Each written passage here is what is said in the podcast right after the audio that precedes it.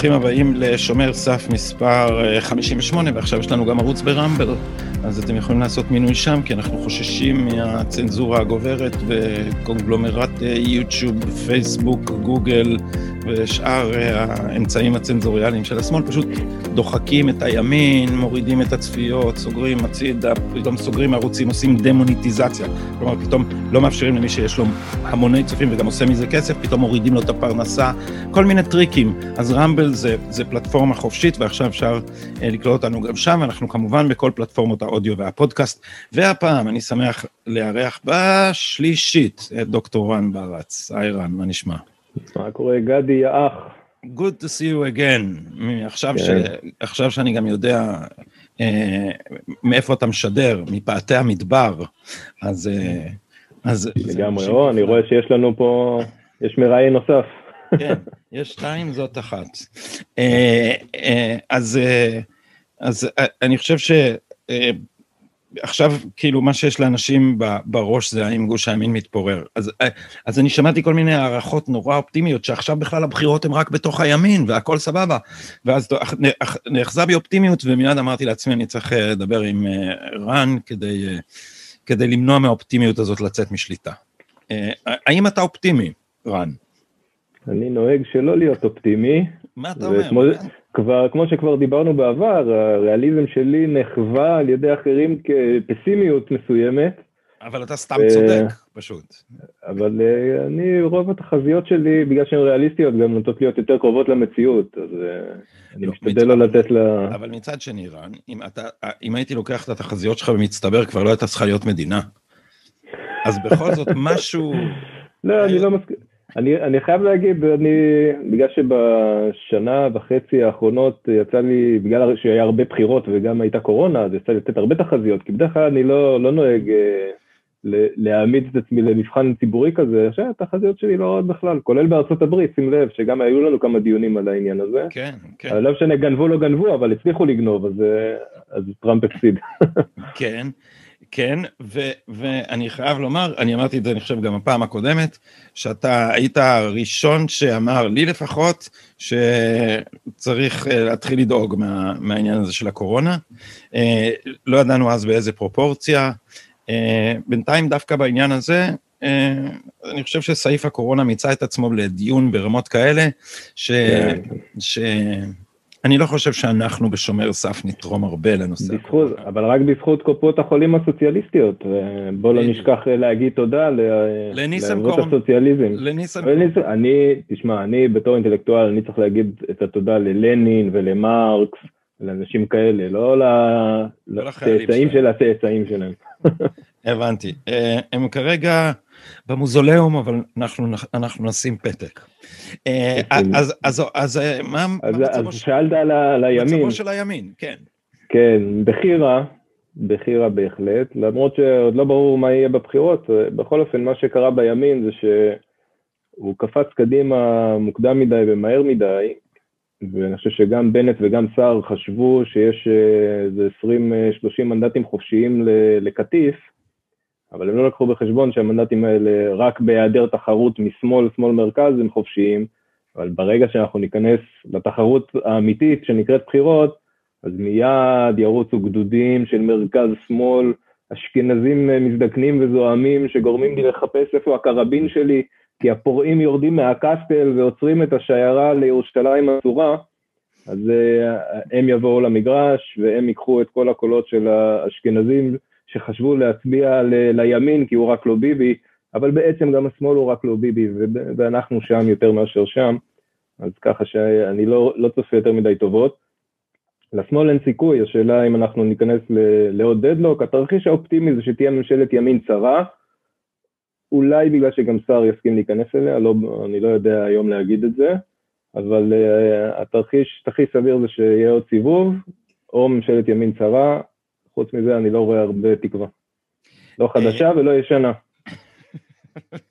אה, אבל לא, זה, מישהו הזכיר לי, הייתה פעם סדרה שכתב אותה אסף הראל, שבעצמו נהיה, לא יודע, מין אה, סוציאליסט. גם ראש עיר, לא, משהו כזה. כן, כן, הוא רץ לעיריית תל אביב באיזה משהו. אה, הוא הודח בעצם, עכשיו הוא הדיח אותו. אבל הוא רץ עם רשימה יהודית ערבית כזאת, עיר לכולנו, הם עשו כל מיני סיסמאות וזה, אז זה אוקיי. מצחיק, כי, כי, כי הוא קודם הוא כתב סדרה שקראו לה מסודרים, שבה אני הייתי בתפקיד, ה, בתפקיד רונן צור. כאילו כתבו לי תפקיד רונן צור, הייתי מעט רציני.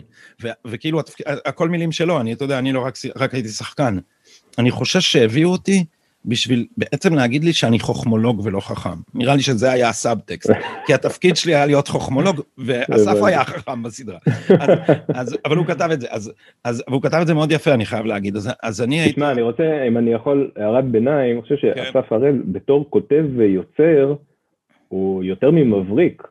באמת יש לי המון ריספקט אליו, הוא עשה דברים שאני נהנה לראות כמה פעמים, ובאמת יש לו הברקות, אבל בתור פוליטיקאי ואידיאולוג, על האיסטרו.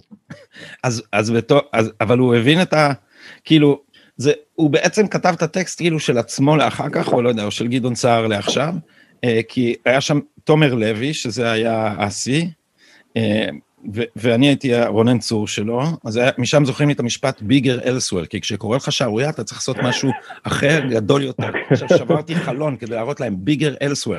האנשים עד היום okay. אוקיי. לפעמים אומרים לי ביגר אלסוור, אבל בכל אופן הוא אמר, אתה צריך להגיד, הוא אמר, אני, אני מפי הוא אמר את זה, חדש, תקווה חדשה, אתה צריך לדבר כן, מונחים כאלה, וכל מה שהיה שם, עכשיו הם אומרים, זה כאילו, זה קלישאות של קמפיין אמריקאי בעצם.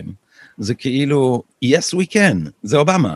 זה... החדש הזה, דרך אגב, זה, יש אה, קצת לבנט פטנט על זה, כמו שיש לו גם על ישראלים, השמאל בסוף גונב מבנט את כל ה copywriting שלו. היה משהו חדש מתחיל גם אה, שיר של דני רובץ, שלדעתי טבע אותו גם, על זה שהוא השתמש בסלוגן, משהו חדש מתחיל עכשיו, משהו כזה, באזור. באזור של הסלוגנים האלה של החדש חדש חדש, זה ימין חדש, ומתחילים מחדש, ומשהו חדש מתחיל, והכל חדש. זה נשמע כאילו, אתה יודע... חוץ מהתוצאות של הבחירות, שהן מאוד ישנות. זה, זה כאילו מועצת יש"ע הזמינו משרד פרסום תל אביבי. זה מה שקרה, זה כאילו, זה לא מתחבר, זה לא המסר הנכון, זה בכלל לא... תגיד לי, איך, אני שואל אותך באמת, אתה יותר אה, שיקי ומצוי בעניינים ממני בהרבה, אבל איך הרשימות של האשכנזים הזקנים האלה, כמעט בלי נשים, ועם הצעקות והנפנופי הידיים, איך זה עובד ב-2020 במדינת ישראל? אני לא מצליח להבין את זה. זה, זה בסדר להביא את האנשים האלה, אבל לשים אותם בפרונט בתור ה... זה לא, לא משכנע. אתה מכיר את השיר של אורי מלמד, על, אה, שהוא כתב אותו, יש, יש את זה עם תאריך בפייסבוק, מיד אחרי הנאום של גנץ, שהוא הקים את חוסן לישראל, הנאום היה ב-29 בינואר 19, וכמה ימים אחר כך אה, אורי כתב שיר, והשיר הוא בערך כזה, אני זוכר את זה בערך, ותעמוד האומה שטופת דמע וקסם, ותשאל, מי אתה? והאיש מבולבל, יענה לה, אני האחוסל עם שיער הכסף, שבעוד שנתיים יהיה יו"ר קק"ל. וזה ממש מה שהולך לקרות, נכון? זה כאילו, מי עכשיו, מי עכשיו שם על גנץ? כאילו, מי חשב? אם הוא, אם הוא יצליח להיות יו"ר קק"ל בכלל, הוא בטח יהיה סגן יו"ר, או יו"ר איזה... כן. יעמוד בראשות מחלקה לנטיעות אורנים במושבים או משהו. זה מצחיק, אבל זה עצוב. זה עצוב כי... תשמע, אני רוצה להגיד לך, אני לא הצלחתי לראות את הנאום שלו, אני התחלתי. יש לי, אני מודה ומתוודה, יש לפעמים שיש לי רגעים שאני חש אמפתיה, כלפי אנשים שברור, ובעיקר מתי? כשברור שהם במצוקה והם לא יודעים את זה, ולכן הם מתנהגים בצורה שלא תואמת את המצב שלהם, וזה באמת, זה מעורר בי סוג של רחמים שקשה לי לעמוד בהם. ואני לא הצלחתי לראות את הנאום, זה היה, זה פשוט היה כבר קשה. בנאום הראשון או עכשיו אתה מדבר? לא, היום, היום, היום אני התחלתי לנסות לראות, כי שמעתי גם את הנאום, וזה, תשמע, זה, זה לא נעים, אתה, תתפטר, תאסוף את הדברים שלך, לך הביתה, תנוח כמה חודשים. אני לא צוחק, אני רציני לגמרי, ת... אל תתבזה. אל תתבזה, לקחת 30 ומשהו מנדטים, נשארת בלי כלום. האדם שבשבוע ש... שעבר התאבדת בשבילו ולקחת אותנו לבחירות, עזב אותך, תקע לך סכין בגב, הולך עם... תעזוב אותך גנץ, זה לא בשבילך, באמת, אני לא אומר את זה באיזה פטרון, אני, זה, אני בטוח שאתה יכול לעשות דברים טובים, אני מאמין לכל האנשים שאומרים שאכפת לך ואתה אדם טוב, המשחק הפוליטי לא מתאים, אין לך את הכישורים לזה, זה משהו אחר. באמת ניסנקורן יותר מתאים לך, הוא יודע לתמרן והוא ציני מספיק, וגנץ ממשיך עם התעמולת רק לא ביבי, כבר אין לך מנדטים, מה אתה רוצה מביבי? אין לך, אף שמאלני לא רוצה לבחור בך, למה, מה קשור ביבי עכשיו? ת, תסתכל על עצמך. ותעשה לביתך, הגיע הזמן שתעשה קצת לביתך. אה, בפנסיה הלא מבוטלת שיש לך, תקציבית. כן, כן, אה, כפולה עכשיו, גם יש לו כפולה. אז, אתה יותר, יותר רחום ממני, אבל, אני מזדהה מה שאתה אומר על זה שהוא היה במצוקה, כי, כי אני כל הזמן אמרתי לחברים, אולי גם פטפטתי את זה בטוויטר ופייסבוק, ש... שאין סיכוי בעיניי שהוא רוצה להיות ראש ממשלה. הוא, כן. הוא אמרתי, זה כמו, זה כמו שיושב בן אדם שהשוויץ לבחורה לידו שהוא טייס. ועלה איתה למטוס, ואז הטייס מת, ובאה הטיילת ואמרה, נכון שאתה טייס? ועכשיו לא נעים להגיד, אה, כן, אז פה שנייה צריך להנחית את המטוס. אמרתי, הוא ממש נראה לי שזה המצב הנפשי שלו. אבל אתה יודע, הוויכוחים שלי על מה ש... לפחות חולדאי באמת טייס. חולדאי טייס, כן. אה, יאמר לזכותו, אבל הוא, אה, אני אמרתי, שהוא כבר פוסט ציוני בעיניי, כי חולדאי, אומנם לא פה, זה, זה תיאור שהפתיע אותו מאוד, אבל, אבל אני חושב שאנשים שלא מבינים שההתייחסות למסתננים כפליטים זה חלק ממנגנון שנועד פה לפרק את חוק השבות, אז הם פוסט ציונים בפועל, אפילו אם לא, פוסט, הם לא מבינים שהם עושים אה, מהלך פוסט ציוני, זה הקרנות מתמרנות אותם, הקרנות שבשם הדמוקרטיה והחברה הפתוחה נלחמות ב, בלאומיות. אבל הוויכוחים של... אני מסכים איתך, יש, יש כמה דברים שהם סמנים מאוד מאוד חזקים, מסתננים זה אחד מהם, לאיפה הבן אדם הולך באמת, איפה הנטיות לב שלו. ואני חושב במפלגות ימין החדשות, אני שם את זה, במי, מי מדבר על השמאל? כי שים לב, גם בנט וגם סער הפסיקו לדבר על השמאל, אין שמאל, רק לבקר את הממשלה וביבי, אבל הם, הם אומרים, אנחנו מאוד ימין, אבל הם לא מבקרים את השמאל. הם לא, יוצאים, הם לא מסבירים למה השמאל טועה, למה השמאל לא דמוקרטי, למה השמאל לא מוסרי, למה השמאל אה, פוגע בזהות היהודית של מדינת ישראל, או מה שלא תרצה. את זה הם כבר לא עושים בכלל. אפילו פעם אחת הם לא מסמנים, אנחנו ימין כי אנחנו מתקיפים את השמאל. הם רק אומרים, אנחנו ימין ומתקיפים את, את השאר בימין, וזה בפוליטיקה שהיא משחק קואליציוני, זה בשבילי גם כן סמן חזק. למה באמת הם מסתכלים ולאן הם רוצים, איפה הם רואים את החבירות העתידיות שהם לא רוצים לסכן היום, גם באלקטורט ואולי גם בפוליטי בעתיד. אז אני, אה, אה, אה, הסממן, הסממן שאני מחפש כל הזמן, זה מה, מה מנבא את היחס של המפלגות השונות אה, לאוליגרכיה המשפטית. כי זה הסוגיה עכשיו בעיניי, וזה במקרה של ימינה, אתה יודע, כאילו היה לי ויכוח למשל, על זה שאיילת שקד אמרה לפני כמה ימים שאנחנו לא ניתן לביבי להימלט ממשפט. עכשיו, עכשיו כשאתה מסתכל בציטוט, אז תומכי מיני אומרים, אבל מה אתה רוצה? היא אומרת שהיא לא תתמוך בחוק הצרפתי, והיא צודקת. אבל יש משהו, זה מה שעכשיו את אומרת, כש, כשבזמן שבית המשפט אומר לפרקליטות שהתיק לא כל כך בלתי תפור, אז, אז, זה, אז זה עכשיו מה שיש להגיד עכשיו הכי דחוף. ו, ואני מרגיש, וזה, זה, תשמע, ימינה הם אנשים, אני, אני באופן אישי, אני חושב, איילת היא בן אדם מוכשר, ו, ו, ויש לה הרבה פוטנציאל וככה, אבל, אבל החשש שלי הוא שימינה אה, תגן על פקידוסטן. עכשיו, השאלה היא, אה, כשאני אומר את זה, אז אומרים לי, אז מי אתה חושב שיעשה להם משהו? נתניהו? הרי נתניהו גידל אותם. אז, אה, אז מה אתה, מה תגובתך לסוג כזה של דיאלוג? אני לא יודע, לא רוצה לשים אותך מראש בצד. אתה לא תוקע לי סכין בגב, אתה נועץ לי חרב בלב בשאלה הזאת. כי אתה יודע, זה הדבר שאולי הכי מעסיק אותי והכי מטריד אותי זה הסיפור של אה, המדינה המודרנית שהפכה להיות סוג של מחלה אוטואימונית על החברה, זאת אומרת אנחנו כחברה רוצים שתהיה לנו מדינה שתעזור לנו ובסוף המדינה מתחילה לכלות את המשאבים הטובים שלנו, כן, להתחיל, אה, היא גמרה את השומנים, עכשיו היא עוברת לשרירים, כל הרגשות מתחילה לאכול אותם, וזה, אני לא רואה האמת בעניין הזה, לא בימין ולא בשמאל, לא בליכוד, לא בימינה, בטח לא גדעון סער. הפקידוסטן הזאת ניצחה את הפוליטיקה. בשלב הזה, אני לא מרים ידיים, אבל אני בעניין הזה לא רואה אף אחד שנכנס למשרד כדי לעשות בו סדר. כולם נכנסים למשרד כדי לעבוד ביחד עם מדינת הפקידים ולמצוא את הנתיב המשותף קדימה.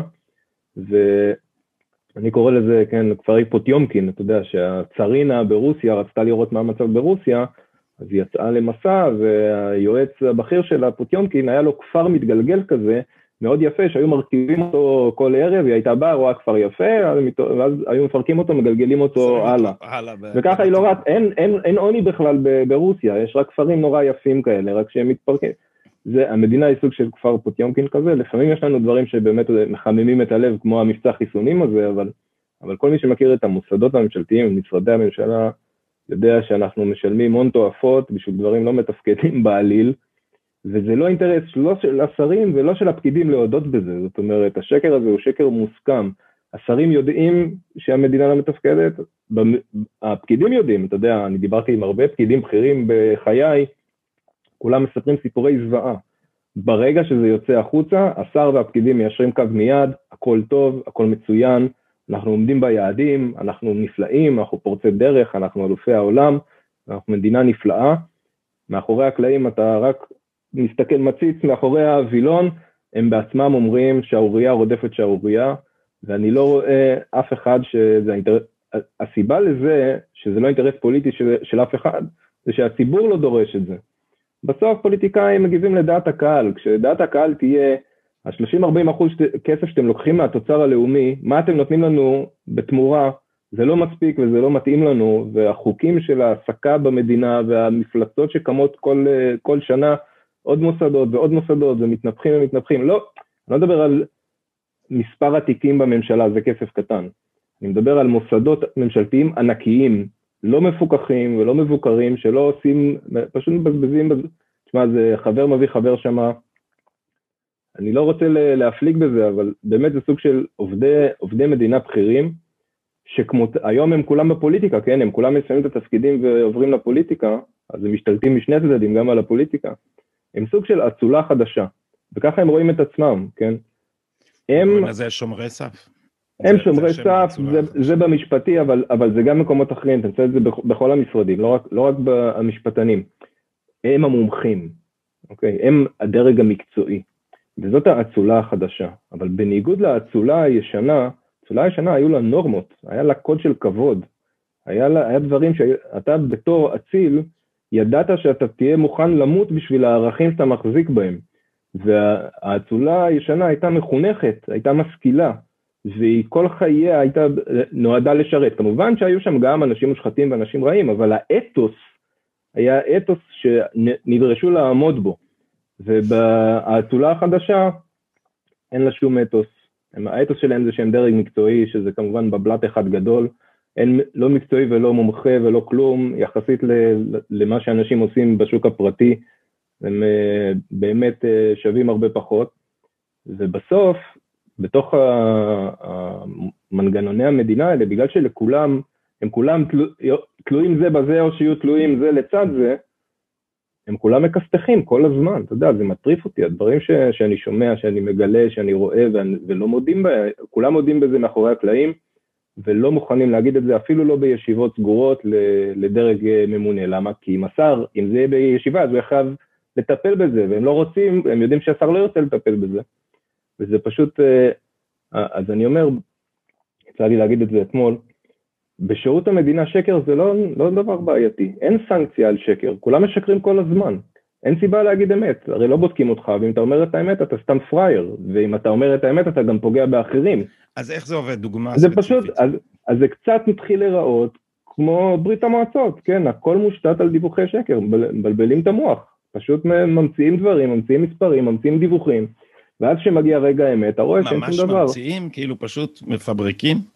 ממש, אני, דוגמה שכתבתי עליה, כשהתחילה המגפה זה כל התדרוכים שפרופסור גרוטו במשרד הבריאות היה מוציא החוצה, שאמר לדוגמה בהתחלה, אמר אסימפטומטים לא מדבקים.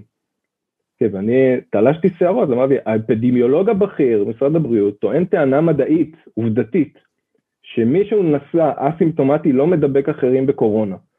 אין בן אדם, עכשיו אני אז, יותר מהיום, קראתי את כל מחקר מדעי שיצא וכל דוח אפידמיולוגיה רציני שיצא, ואף אחד לא העלה בדעתו להגיד דבר כזה. עכשיו, הבן אדם הזה קובע את ההנחיות למדינת ישראל, והוא מאמין, הוא אומר לציבור ברד, ברדיו, הוא אומר משהו שהוא לא רק שגוי, הוא מסוכן, הוא גורם למגפה להיות מופצת, כי אתה אומר לאנשים תהיו בבידוד, אבל מצד שני הסימפטומטים לא מדבקים, אז ברור שהם לא ייקחו את הבידוד ברצינות, זה היה ממש, אני מדבר איתך בפברואר, כן? אני תלשתי שערות, אמרתי לא יכול להיות בשום מדינה נורמלית שמי שאחראי על הטיפול במגפה יפיץ פייק של הפייק מדעי שגורם למגפה להתפשט באוכלוסייה ואף אחד לא יקרא אותו לסדר, לא תהיה שום סנקציה, זה, זה, תשמע, זה חיי אדם, זה לא דבר מצחיק, זה לא שהוא אמר איזה משהו וכולם צחקו וידענו כולם, אבל פה ראש כלום, אין זה. שום אחריות לאנשים האלה, הם לא נדרשים לשום דין וחשבון על מה שהם עושים או אומרים, אבל פה זה ישירות תחת ראש הממשלה וזה נורא נורא בולט, אז למה? לא, למה לא קרה כלום? לא קרה כלום כי לא קורה כלום אף פעם, האנשים האלה לא צריכים לתת דין וחשבון על שום דבר. תשמע, זה גרוטו למשל, הייתה איזו ישיבת ממשלה, שאמר להערכתי יש עכשיו, וגם כן די בהתחלה, להערכתי יש עכשיו 40 אלף אה, נשאים או משהו כזה.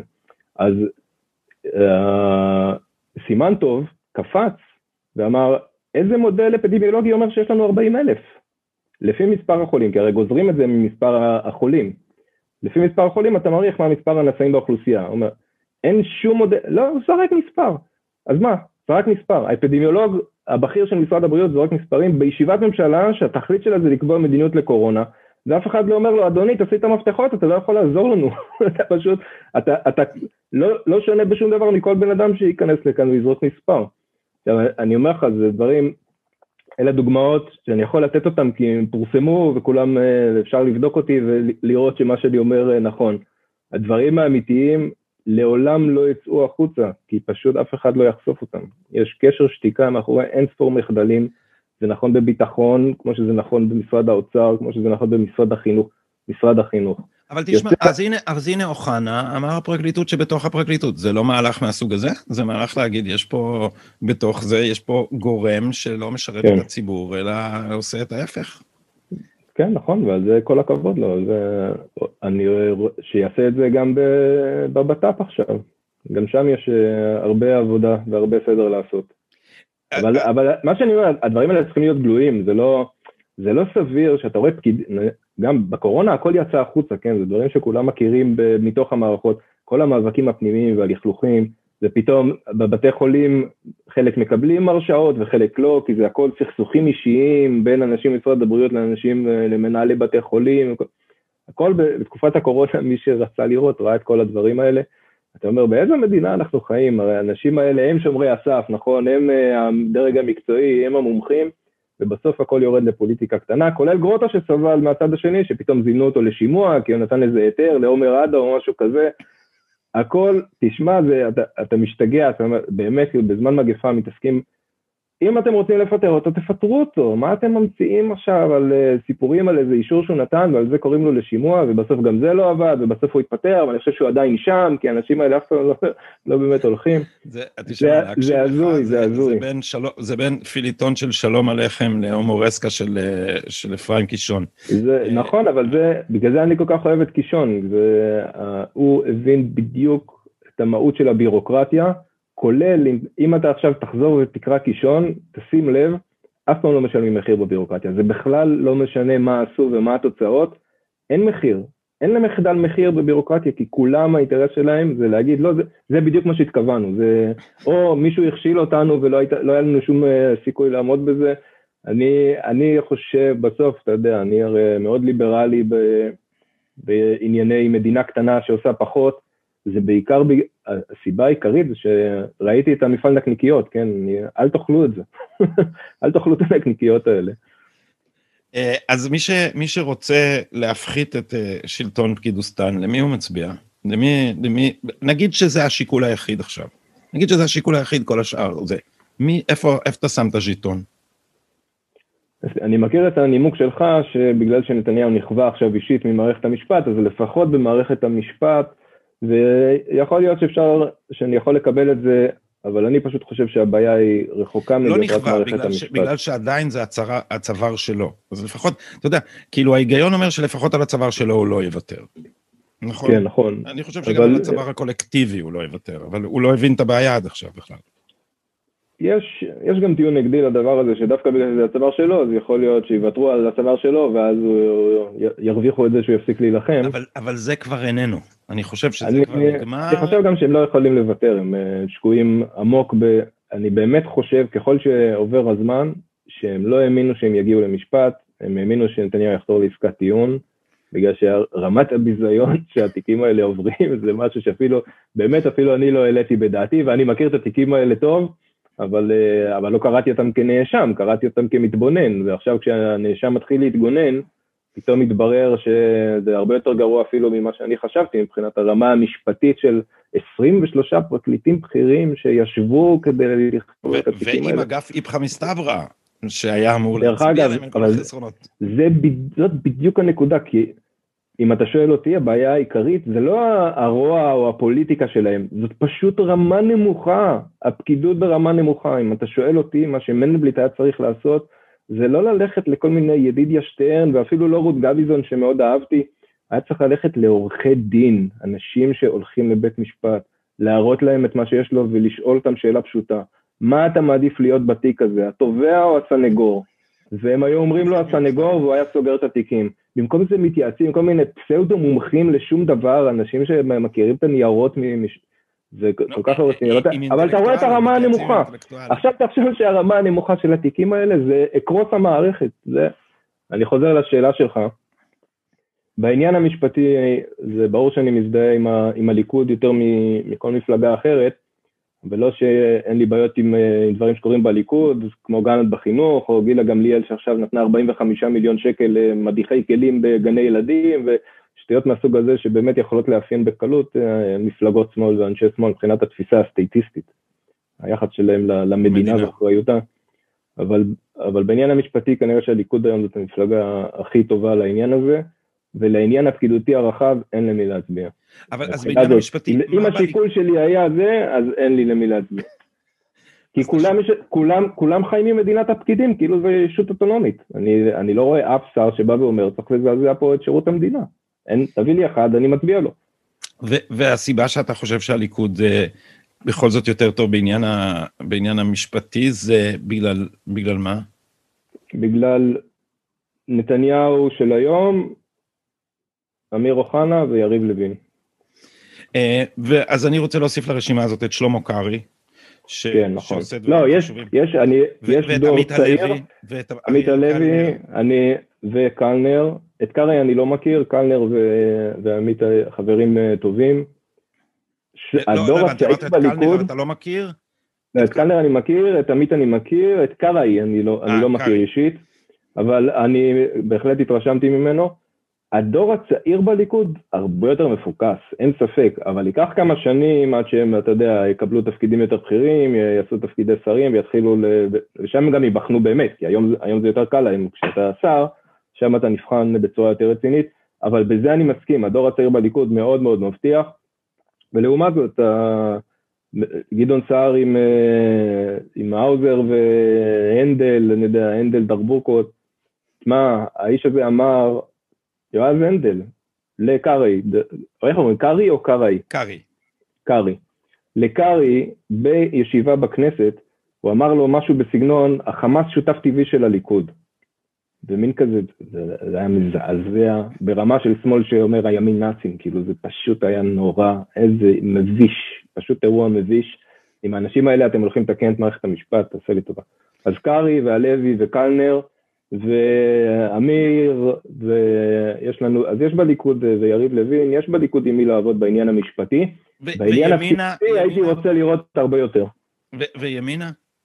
ימינה אכזבה אותי מאוד, אני חושב שאיילת שקד לא הייתה, תראה, אנשים חושבים שאני איזה ליכודניק, כאילו אני מתפקד ליכוד, חבר מרכז ליכוד, לא יודע מה, מתמודד בליכוד, לא, לא מיני ולא מקצתה, אני תומך בליכוד בתור מפלגת השלטון של הימין, שהרבה יותר קרוב לערכים שלי, אבל אה, ולכן אם אה, הייתי יכול לתת לאיילת שקד קרדיט על התקופה שלה כשרת משפטים, באמת שהייתי עושה את זה בשמחה. אין דבר שהיה משמח אותי יותר אם היא הייתה באמת מיישרת קצת את המערכת הזאת, אבל מה שקרה זה היה בדיוק ההפך, היא הייתה חומת מגן של הפקידים המשפטיים, היא מינתה שופט שמרן אחד נגיד שופט וחצי, ועל זה היא מקבלת ממני את כל הקרדיט אה, שבעולם, כל הכבוד, אבל מה שקרה בתקופה שלה בתחום הייעוץ המשפטי ובפרקליטות, הייתה הידרדרות חמורה, ועל זה קשה לי לתת לה שבחים שהיא הייתה שרה טובה, אני חושב שהיא הייתה שרה חלשה, והפקידות בתקופה שלה מאוד מאוד התחזקה על חשבונה, ואנחנו היום משלמים את המחיר, כולל בתיקי נתניהו, וזה שהיא עד היום ממשיכה להגן על מנדלבליט ושי ניצן ותיקי כן. נתניהו, אני לא... היא ממשיכה להגן עליו. שאפילו פוליטית אני חושב שזה מזיק לה, זה רק מראה כמה היא באמת הייתה שבויה של המערכת הפקידותית הזאת. אבל אה, אלה... ואני אומר עוד פעם, אני מחבב אותה, והלוואי, הייתי מת לשבת פה ולהחמיא לה ולהגיד, שמע, אני ליכודניק ומסורתי וזאת מפלגת השלטון ואני רוצה מפלגה רפובליקנית אחת גדולה, אבל איילת הייתה נפלאה כשרת משפטים, הלוואי שהייתי יכול להגיד את זה, באמת שאין לי שום דבר נגדה, ושיצביעו לה מעריציה בשמחה, זה, לא, זה לא האישו מבחינתי, זה לא לקחת כל דבר לפוליטיקה קטנה. אבל מגיניה יגידו, שלא היה לה גב, שנתנ... שהיא ניסתה לעשות דברים, אבל נתניהו לא נתן לה. תראה, יש, יש דברים שבהם זה נכון, אבל יש דברים שהם באוטונומיה של שר. אתה יודע, שר במדינת ישראל זה ישות מאוד מאוד חזקה. בניגוד לדימוי, ראש ממשלה הוא לא חזק כל כך בישראל, בגלל שראש ממשלה לא יכול לקבוע מדיניות לשר, והשרים לעומת זאת הם מאוד חזקים כי הם אוטונומיים בקביעת המדיניות במשרד שלהם. ברור, ברור ש... כן, ברור שיש פה פוליטיקה, וראש ממשלה הוא מתווך והוא שולט בדיונים בממשלה ובדיונים בקבינט, אבל בסוף ראש ממשלה, בטח נתניהו, לא מתערב במה שקורה בתוך המשרדים של השרים שלו כמעט אף פעם. הוא נותן להם באמת את האוטונומיה שהחוק נותן להם. ובעניינים האלה שבתוך המשרד, שבהם שקד לא צריכה לתת דין וחשבון לאף אחד, לא לכחלון ולא לנתניהו, זה המינויים הפנימיים, זה הניהול של המשרד, זה הכוח שהם מקבלים, זה התקנות שהיא מקדמת. כל הדברים האלה, זה מה היא עושה עם לשכת עורכי הדין. כל הדברים האלה, אני חושב שהייתה הידרדרות. היא לא ניהלה את המשרד הזה ביד חזקה של מישהו שבא לשנות את האווירה של, כן, כתבתי היום פוסט בטוויטר, ערכי היסוד של שיטת המשפטנים שולטים. זאת השיטה, המשפטן שולט. כן, עם טט טט טט כזה. זה מה שהם חושבים, ושר טוב, שר חזק, באווירה הזאת היה צריך לטפל, היה צריך להסביר להם, אתם פרקליטות, אתם ברשות המבצעת, אתם כפופים לשר שקובע את המדיניות. המדיניות הזאת כוללת מינויים של אנשים ברוח הערכים שאני מקדמת, ולא ברוח אמי פלמור וחברותיה. אני זאת שעושה את המינויים, אני זאת שקובעת את המדיניות, אני זאת שמעצבת מחדש את הפרקליטות ועושה רפורמה איפה שצריך, כל הדברים האלה לא קרו.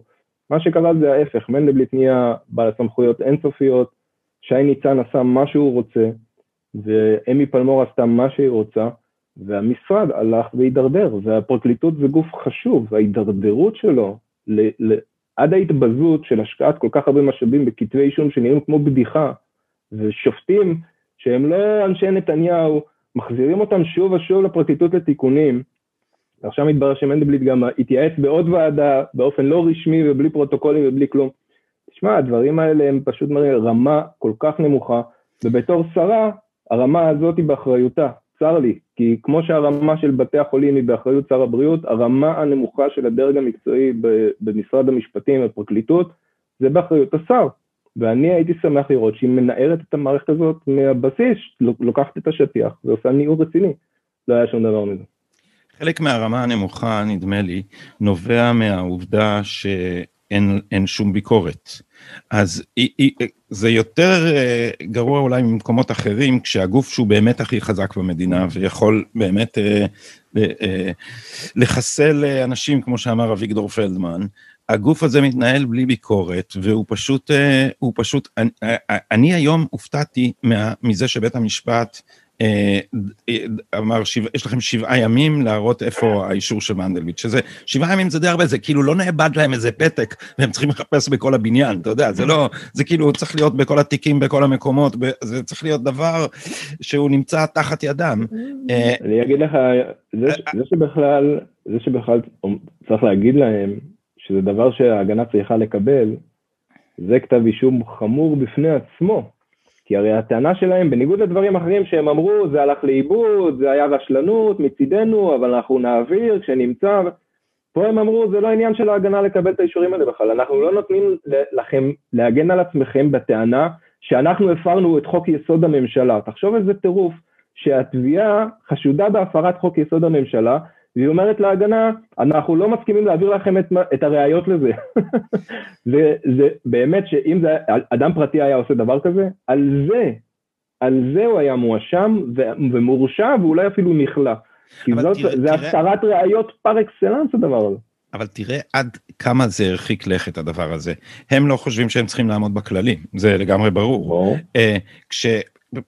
במדינה מסודרת כשפרקליטת מיסוי וכלכלה נתפסת בעבירת מיסוי וכלכלה אפילו אם זה ארבע אגורות על, על קבלה למונית זה לא דבר שיכול לעבור זה, זה המקום האחד שצריך להיות פרפקט זה האנשים שתובעים זה לא יכול להיות דבר כזה ושופט עושה אה, אה, מסיבת חתונה בזמן בזמן שיש שיש אה, קרנטינה של אה, קורונה אה, בזמן סגר וה, וה, והתירוץ שלו זה שהוא לא ידע. ואז, ואז אומרים לו שהוא עשה עבירה, אבל הוא לא יקבל עונש. אז אתה מסתכל על הדבר הזה. לא אז אתה מסתכל על הדבר הזה ואתה, ו, ו, וכאילו, אה, לא מטריד אתכם לפחות הנראות, אני הבנתי כמה זה חמור מדבר שהוא לא כזאת עבירה. מזה שליאת בן ארי נסעה לחופשה בשימוע. אני כאילו, איזה דבר, איזה, what is the mindset? של בן אדם שהוא תובע את ראש הממשלה ועכשיו אתה צריך ליצור את הרושם לפחות כלפי חוץ אין לך אינסטינקט שאומר לך שאתה צריך ליצור את הרושם שעשית את זה ביראה ובקפדנות ובכבוד וזה לא אישי וזה לא ואז אתה נוסע לחופשה כאילו אין לך זמן לשמוע מה יש לראש הממשלה להגיד זה אני אני הייתי נבוך מבוכה היה הדבר. אבל תשמע אני שואל שאלה אחרת כי בסדר זה ברור הדברים כשפיטרו אותי מהאוניברסיטה העברית, אז הסטודנטים עשו קמפיין ש... שאני אמשיך ללמד. היה, עשו עצומה של מאות סטודנטים, עשו קצת בלאגן וזה הגיע לתקשורת.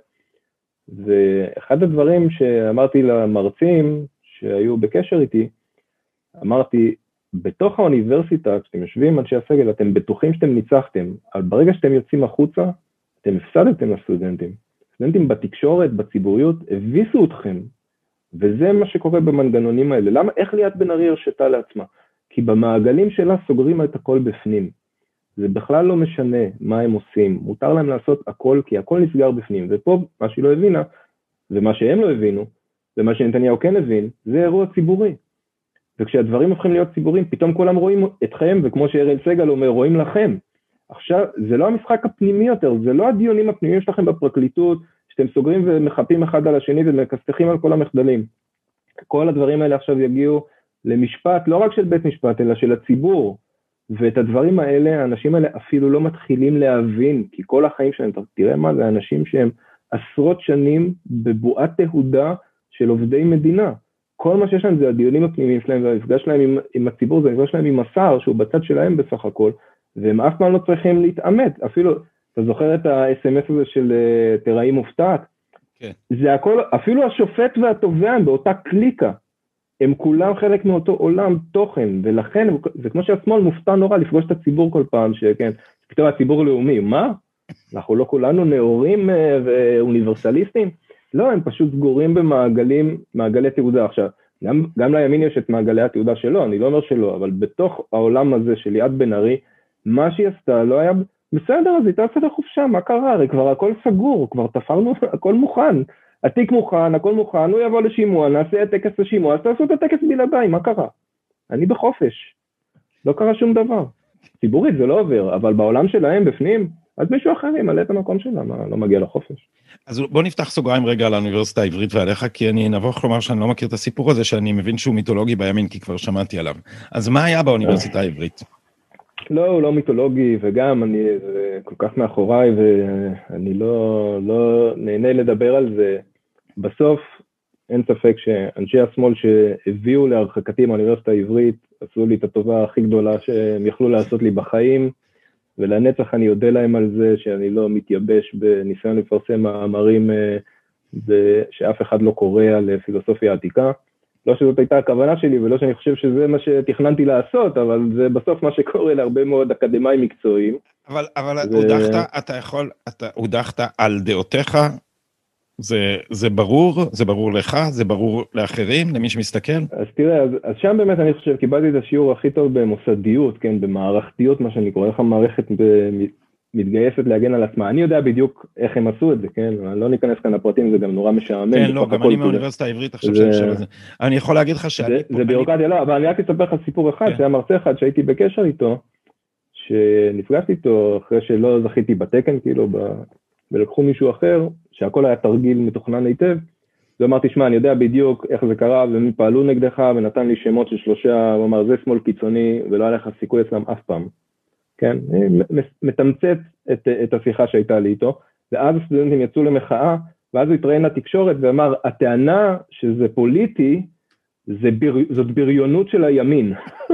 הוא אמר לי את זה שבוע לפני זה, הוא אמר לי בדיוק מי האנשים בשמאל הקיצוני שפעלו נגדי ולא היה לי סיכוי, ו... אבל ברגע שזה יצא החוצה, מחוץ לכותלי האוניברסיטה, הוא אמר, הטענה הזאת היא בריונות של הימין.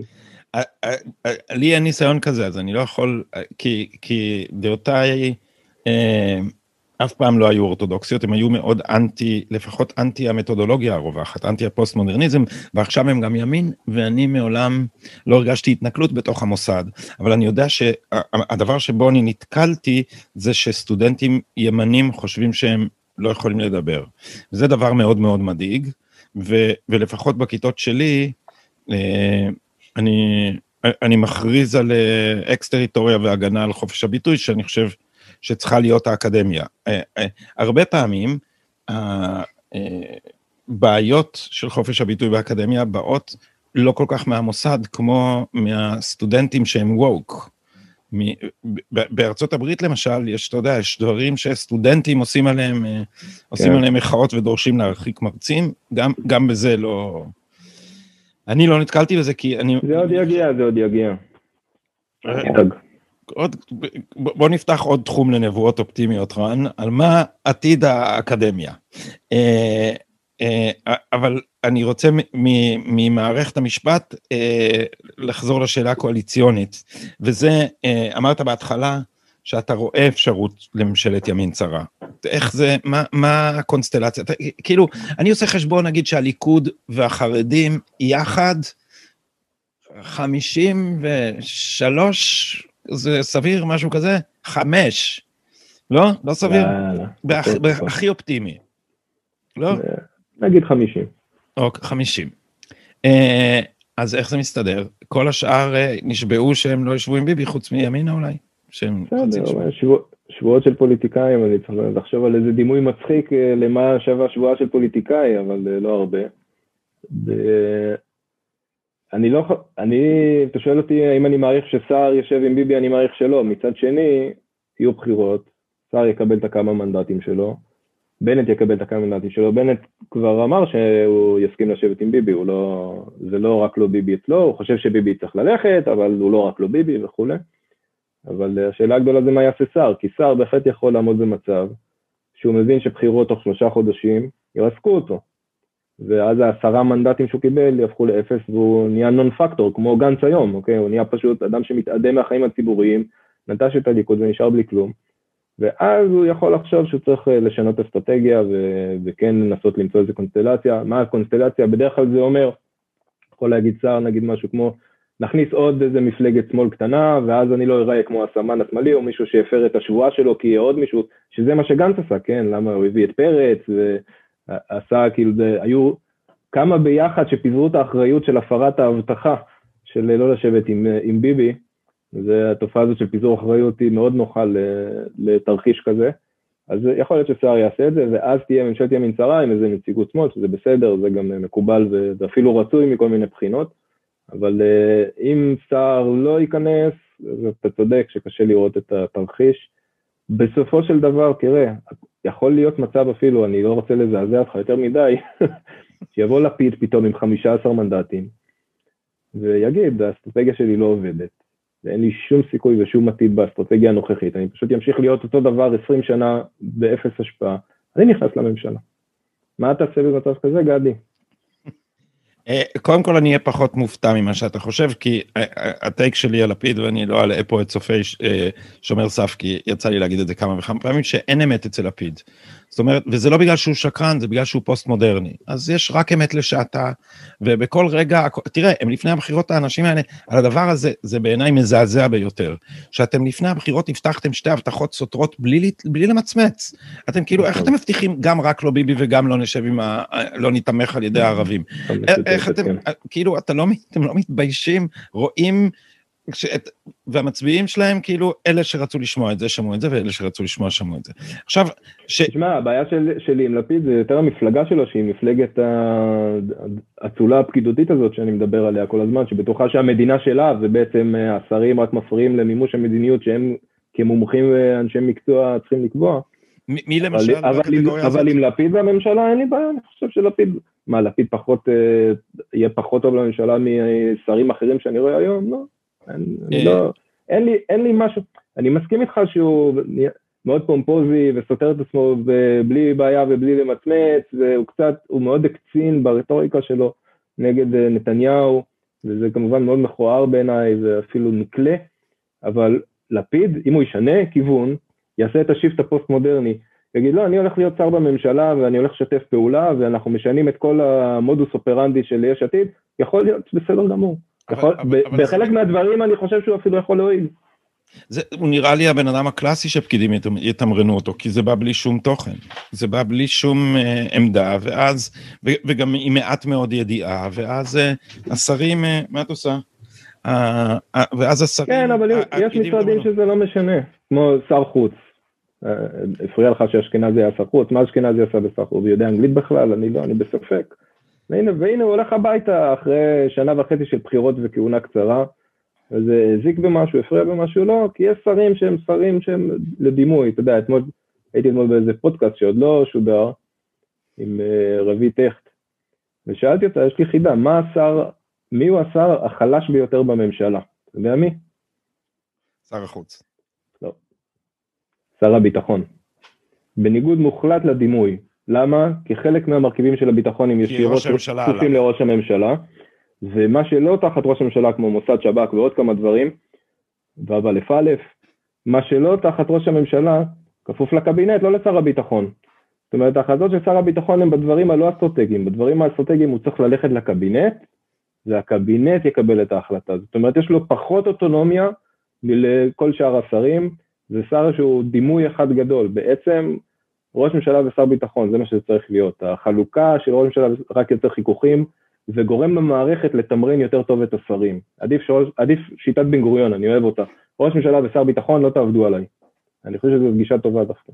בישראל, כן. שבה הביטחון זה משרד כל כך חשוב.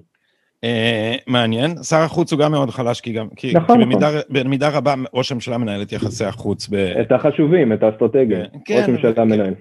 כן, ואז, אה, ואז את היחסים עם, אה, אני לא יודע, אה, מדינות שוליות מתנהלים על ידי הדיפלומטים שלהם, ויש בעיה נפרדת של משרד החוץ, שהדיפלומטים שמתמחים באזורים, אני לא יודע אם זה חל על משרד החוץ הישראלי שהוא יותר קטן ומתוקצב אה, נמוך, אבל, אבל מה שקורה לפקידות של משרד החוץ זה שהיא מתחילה לעבוד הפוך, היא מייצגת את המדינה שבה אה, היא מטפלת אצלנו.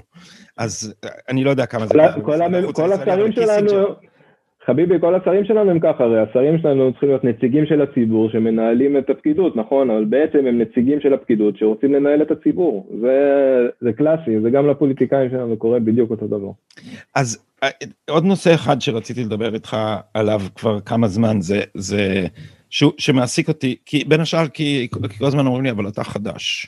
אתה חדש פה, אל ת... כאילו, אז, כאילו, כאילו זה צריך אה, ותק ב... פזם, פזם. כן. אתה הגעת עכשיו למסייעת, אתה צריך לסכסך את הנעליים של הוותיקים חביבי. בדיוק, ואני, ואני אומר לאנשים, אני בכלל לא הגעתי עכשיו, תראו, אני עמדתי פה, וכל המפה זזה, אתם כולכם חדשים. כל המפה זזה, כי, כי, כי, כי אבא שלי הוא, הוא היה בן גוריוניסט, ואני הייתי בדעותיו, הוא היה ביטחוניסט, הוא היה נץ בהרבה דברים, הוא ניסה את אוסלו וחשב אחר כך ש, שזה לא הצליח. אה, אבל, אבל השינוי, המפה עברה שינוי גדול, אבל אבל מה שכן מאוד מעניין אותי, ומה שכן מצאתי את עצמי אה, משנה את דעתי, זה, זה עניינים שקשורים ליחסי אה, אליטה אה, אה, אזרחים, ובתוך זה יחסי אשכנזים מזרחיים. כי יש המון דברים שאני מרגיש שאבישי בן חיים צודק. יש לי ויכוח איתו על, על כמה דברים, אבל אחד הדברים שאמרו עכשיו, אני לא יודע אם אבישי אמר את זה, אבל, אבל, אבל אחדים כן אמרו את זה, זה ש... זה ש... שגדעון סער יצא עם הצד האשכנזי של הליכוד, כי היה, כן. ראית את יוסי ורטר כתב את הדבר הזה, שאתה כאילו, זה, זה היה, זה היה פשוט חוסר מודעות עצמית ברמה שאי אפשר לדמיין, הוא כתב, אה, ש, שעכשיו סער יצא ולקח איתו את הליכוד האיכותי, והשאיר מאחור את כל האוחנה, אמסלם, ביטן ומירי רגב.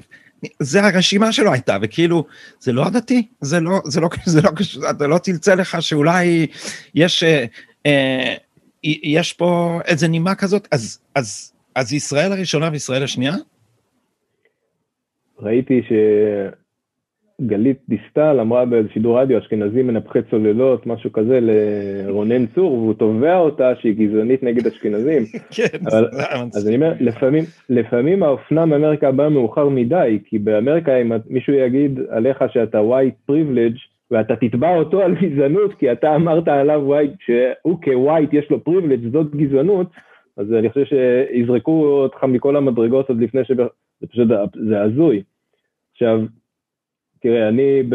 נראה כמו אשכנזי, כן, למרות שאני לא. נוהג לנפנף במוצאי הארגנטינאי, אבל אני גדלתי במעוזים של המעוזים, כן, ברעננה, אוניברסיטת תל אביב, אני בא מהמקומות אה, אשכנזים, ובגלל שאני לא רואים עליי מיד, אני קצת נראה כמו שמאלני טיפוסי, אני יודע איך הם מדברים, כן, אני שותף אה, סוד לחלק מה... השקפיים שלך לא עגולים, תשמע.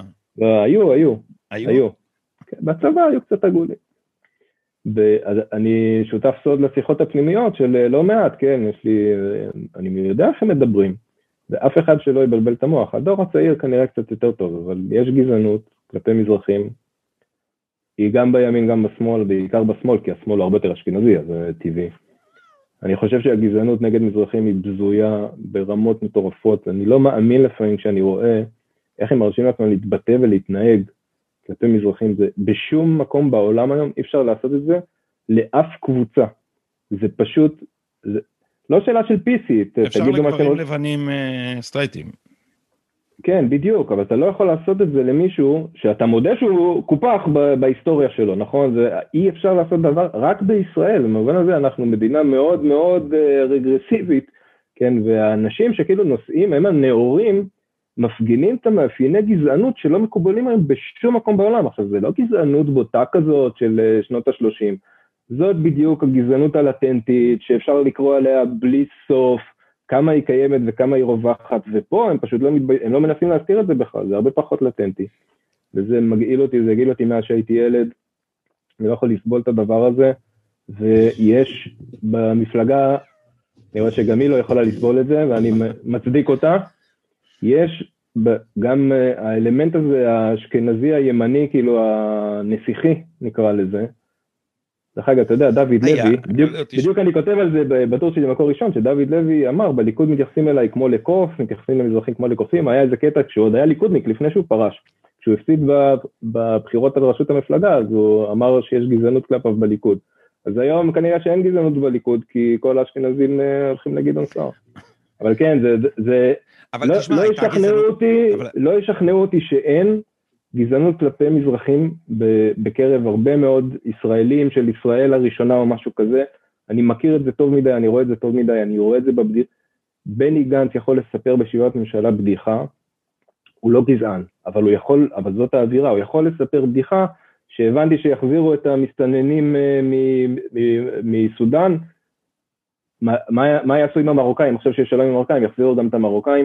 הבדיחה הזאת לא הייתה מצחיקה, לא על אתיופים ולא על נשים ולא על ערבים, היא מצחיקה אותם רק על מזרחים. עליהם מותר לספר את הבדיחה הזאת. אבל עכשיו, אולי... עכשיו, אני בן אדם של פיסי, אתה תספר את הבדיחה שאתה רוצה, אבל זה כן אומר עליך משהו. אבל, אבל אולי אפשר לספר אותה על מרוקאים דווקא כי הדבר הזה כבר, אה, כבר התרחק לפולקלור, והם לא באמת מודרים, או לא מרגישים מודרים. אה, יכול להיות שזה חלק מההסבר, כי אני מתקשה לדמיין את זה דווקא על בני גנץ, לעומת אמיר השכל, שזה, שזה, שזה, זה מאוד, ברור, זה מאוד ברור לי איך... איך מסבירים, כי אמרתי את זה כמה פעמים, אני מקווה שמאזיניי לא עייפים מלשמוע את זה, שבוויכוחים שלי על המשפטים, לא פעם ולא פעמיים, שמו לי יד על הכתף, אמרו לי, אתה יודע, בכנס אקדמי, זה אקדמאי, זאת אומרת, זה אקדמאי, זאת אומרת, ישראל הראשונה. לקח אותי הצידה ואמר לי, טאו, אבל, אבל מי אתה רוצה שיחליט, אפללו או בייניש? כאילו, מה נסגר איתך? אתה לא מבין. נסגר איתך, אבל זה מה שאני אומר, הימין הממלכתי זה הימין האשכנזי. והממלכתי זה, זה buzzwords כאלה שאומרים אנחנו אשכנזי, אנחנו מהאקדמאים, אנחנו מהטובים, אנחנו, ל... אנחנו לא עשינו את המסלול הזה, אנחנו במסלול הזה, אנחנו הצנפים.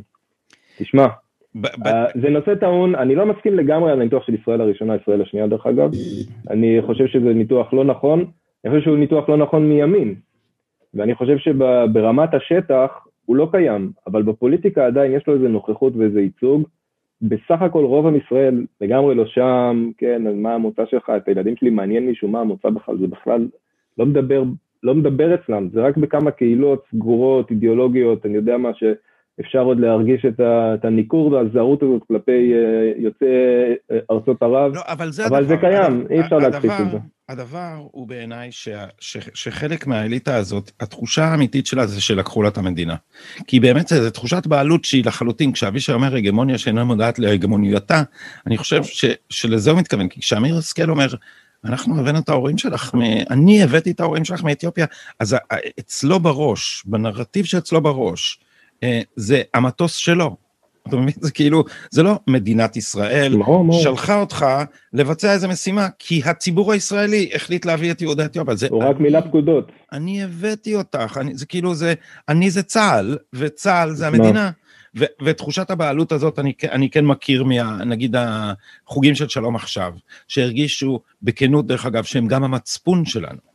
זאת אומרת, המדינה שלהם והמצפון שלהם, ולכן האחדות של הדבר הזה, המדינה תישאר מצפונית כל עוד היא אצלם. הדבר הזה יידרדר לזה שהתפיסה האהרון ברקית של, של הציבור הנאור, התפיסה הזאת אה, מתנסחת אצל, נגיד נקרא לזה חוגי המכון הישראלי לדמוקרטיה, שהם חוגי המכון הישראלי לדמוקרטיה מהותית, הצעתי להם לשפר את, ה, את השם, אה, כי היה לי חילופי בדיחות עם אחד מהם בטוויטר, דווקא היה מצחיק.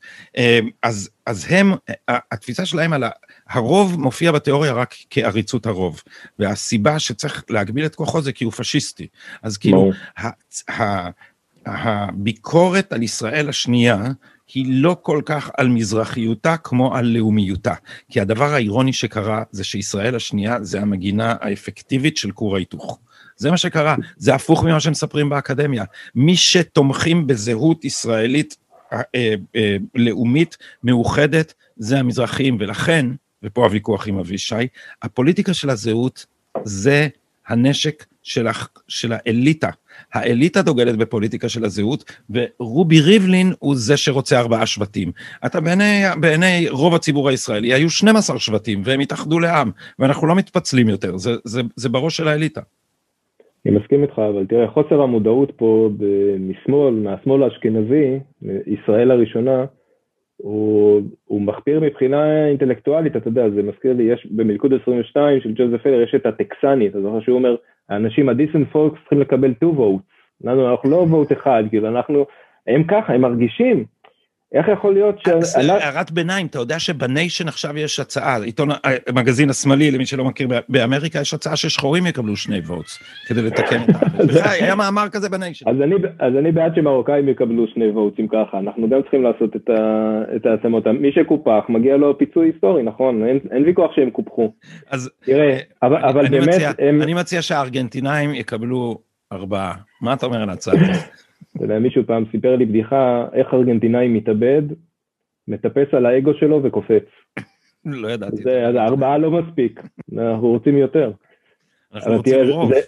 זה, לא, זה לא נושא קל בעיניי, למרות שהוא מצחיק בגלל שהחוסר מודעות שלהם זה, זה דבר שהוא גובל בפתטי. יש, יש איזה מישהי שכתבה פוסט השבוע שרק לא ביבי זאת כן אידיאולוגיה, כתבה איזה ציוץ כזה, זה עורכת דין, לא זוכר את השם כרגע, שזאת רק, זאת כן אידיאולוגיה, כי, ואני מס... ברגע שנעיף את כל הימנים האלה, אז תהיה אחדות ויהיה נפלא, ונתקן את כל מה שצריך תיקון, רק, רק צריך להוציא מפה את הימין הזה, המושחת והנורא והטמא.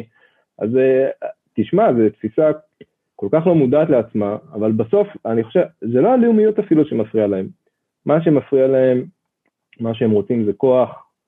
הכוח הזה, הם לא מקבלים אותו בגלל הלאומיות, אבל אם היית מוציא את הלאומיות ושם, נניח שהציבור ברובו היה קפיטליסטי, וזה מה שהיה מונע את הכוח, אז הם היו תוקפים את הקפיטליזם באותה מידה. אז אין שום עיקרון פה חוץ מהעיקרון של הכוח. זאת פוליטיקה צינית, והתסכול שלהם זה שהם לא מקבלים את הכוח, בגלל שהם משקפים ערכים מסוימים שהציבור לא רוצה. במקרה ש... אני מסכים איתך אבל לגמרי, במקרה הזה זה באמת תפיסות אוניברסליות, תפיסות לא רלוונטיות למציאות, שהציבור הבין בתקופת אוסלו, שפשוט אה, מסכנות את, אה, את קיומנו ואת ביטחוננו, זה חלק, מה... זה באות לידי ביטוי גם בענייני המסתננים ו... ו... ובית משפט עליון, דברים מסוג, אבל זה הכל, צר לי על הציניות, אבל זו ציניות מאוד ריאליסטית, זה הכל בסוף מאבק על כוח, תן להם את הכוח והם אוהבים את כולם, זה הרי מה שהם אומרים כל הזמן, נכון? תן לנו את הכוח ותראה איך אנחנו מאחדים את העם ומחבקים.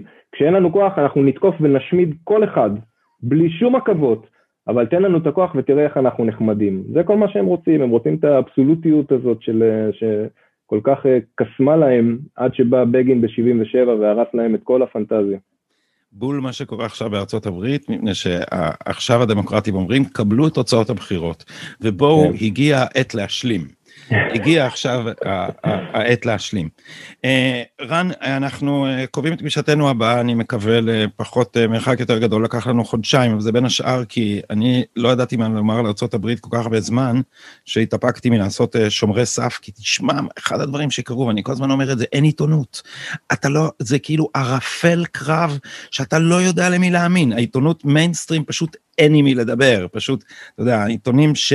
ש, שכתבי חדשות החוץ עדיין סומכים עליכם, אתה יודע, יש לי ויכוח עם נדב אייל, אז הוא הולך, אני, אני אומר משהו על ביידן, ויכוח, זה הכל כבר ירד לפסי קללות, אז אני אומר משהו על ביידן, אז הוא הולך לבדוק בניו יורק טיימס, והוא חוזר רגוע. הוא אומר, מה פתאום, בניו יורק טיימס אמרו, הנה, אמרו, שזה, אבל זה כל הבעיה, הניו יורק טיימס.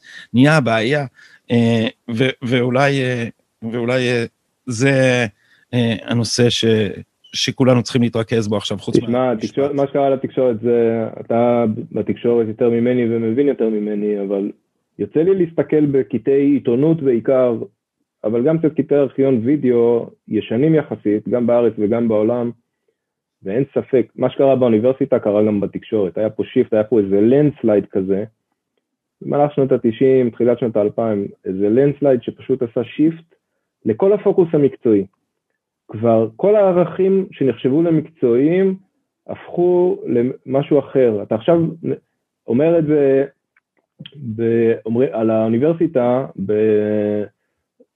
ב Heterodox Academy קוראים להם, לחבר'ה שם, אתה מכיר אותם? לא. ארגון ש, שבא בעצם לנסות לשנות את הכיוון של מה שקרה באוניברסיטה, והוא מוציא הרבה מחקרים של, על הטיה פוליטית באקדמיה. זה נשמע כמו אם תרצו. לא, לא, לא, אקדמי, של אקדמאים. ואחד הדברים ש... שהם מתארים, רואים, הלנדסייד הזה הוא בעצם תוצאה של אה, משנות ה-90, והם מראים איך היחסים השתנו בין אה, פוליטיקאים ורפובליקנים, שתמיד היו לטובת הדמוקרטים, אבל הם הפכו להיות במספרים מטורפים היום, והם מציעים הצעה, הם אומרים שכל אוניברסיטה תכריז על עצמה, האם היא truth seeker כזאת, אנחנו אוניברסיטה שמחפשת את האמת והמחקר כמו בנוסח הישן, או שאנחנו אקטיביסטים אה, חברתיים, כן, אנחנו בעד social justice. ואז הסטודנט לפחות יהיו ישרים כלפיו, שהוא ידע למה הוא הולך. הוא הולך לאינדוקטרינציה, הוא הולך להיות חוקר אה, אובייקטיבי כמה שאפשר. אז אותו דבר, אני חושב, אותו לנדסלייד רואים בעיתונות. פעם העיתונות הרגישה מחויבות להביא את שני הצדדים, לנסות להראות איזה איזון, אפילו היה ברור שיש הטיה, אבל היה ניסיון להתגבר על ההטיה. לא, ניסיון להתגבר על ההטיה אף פעם לא לגמרי מוצלח. אבל היה איזשהו, היום ההטייה היא הערך העיתונאי.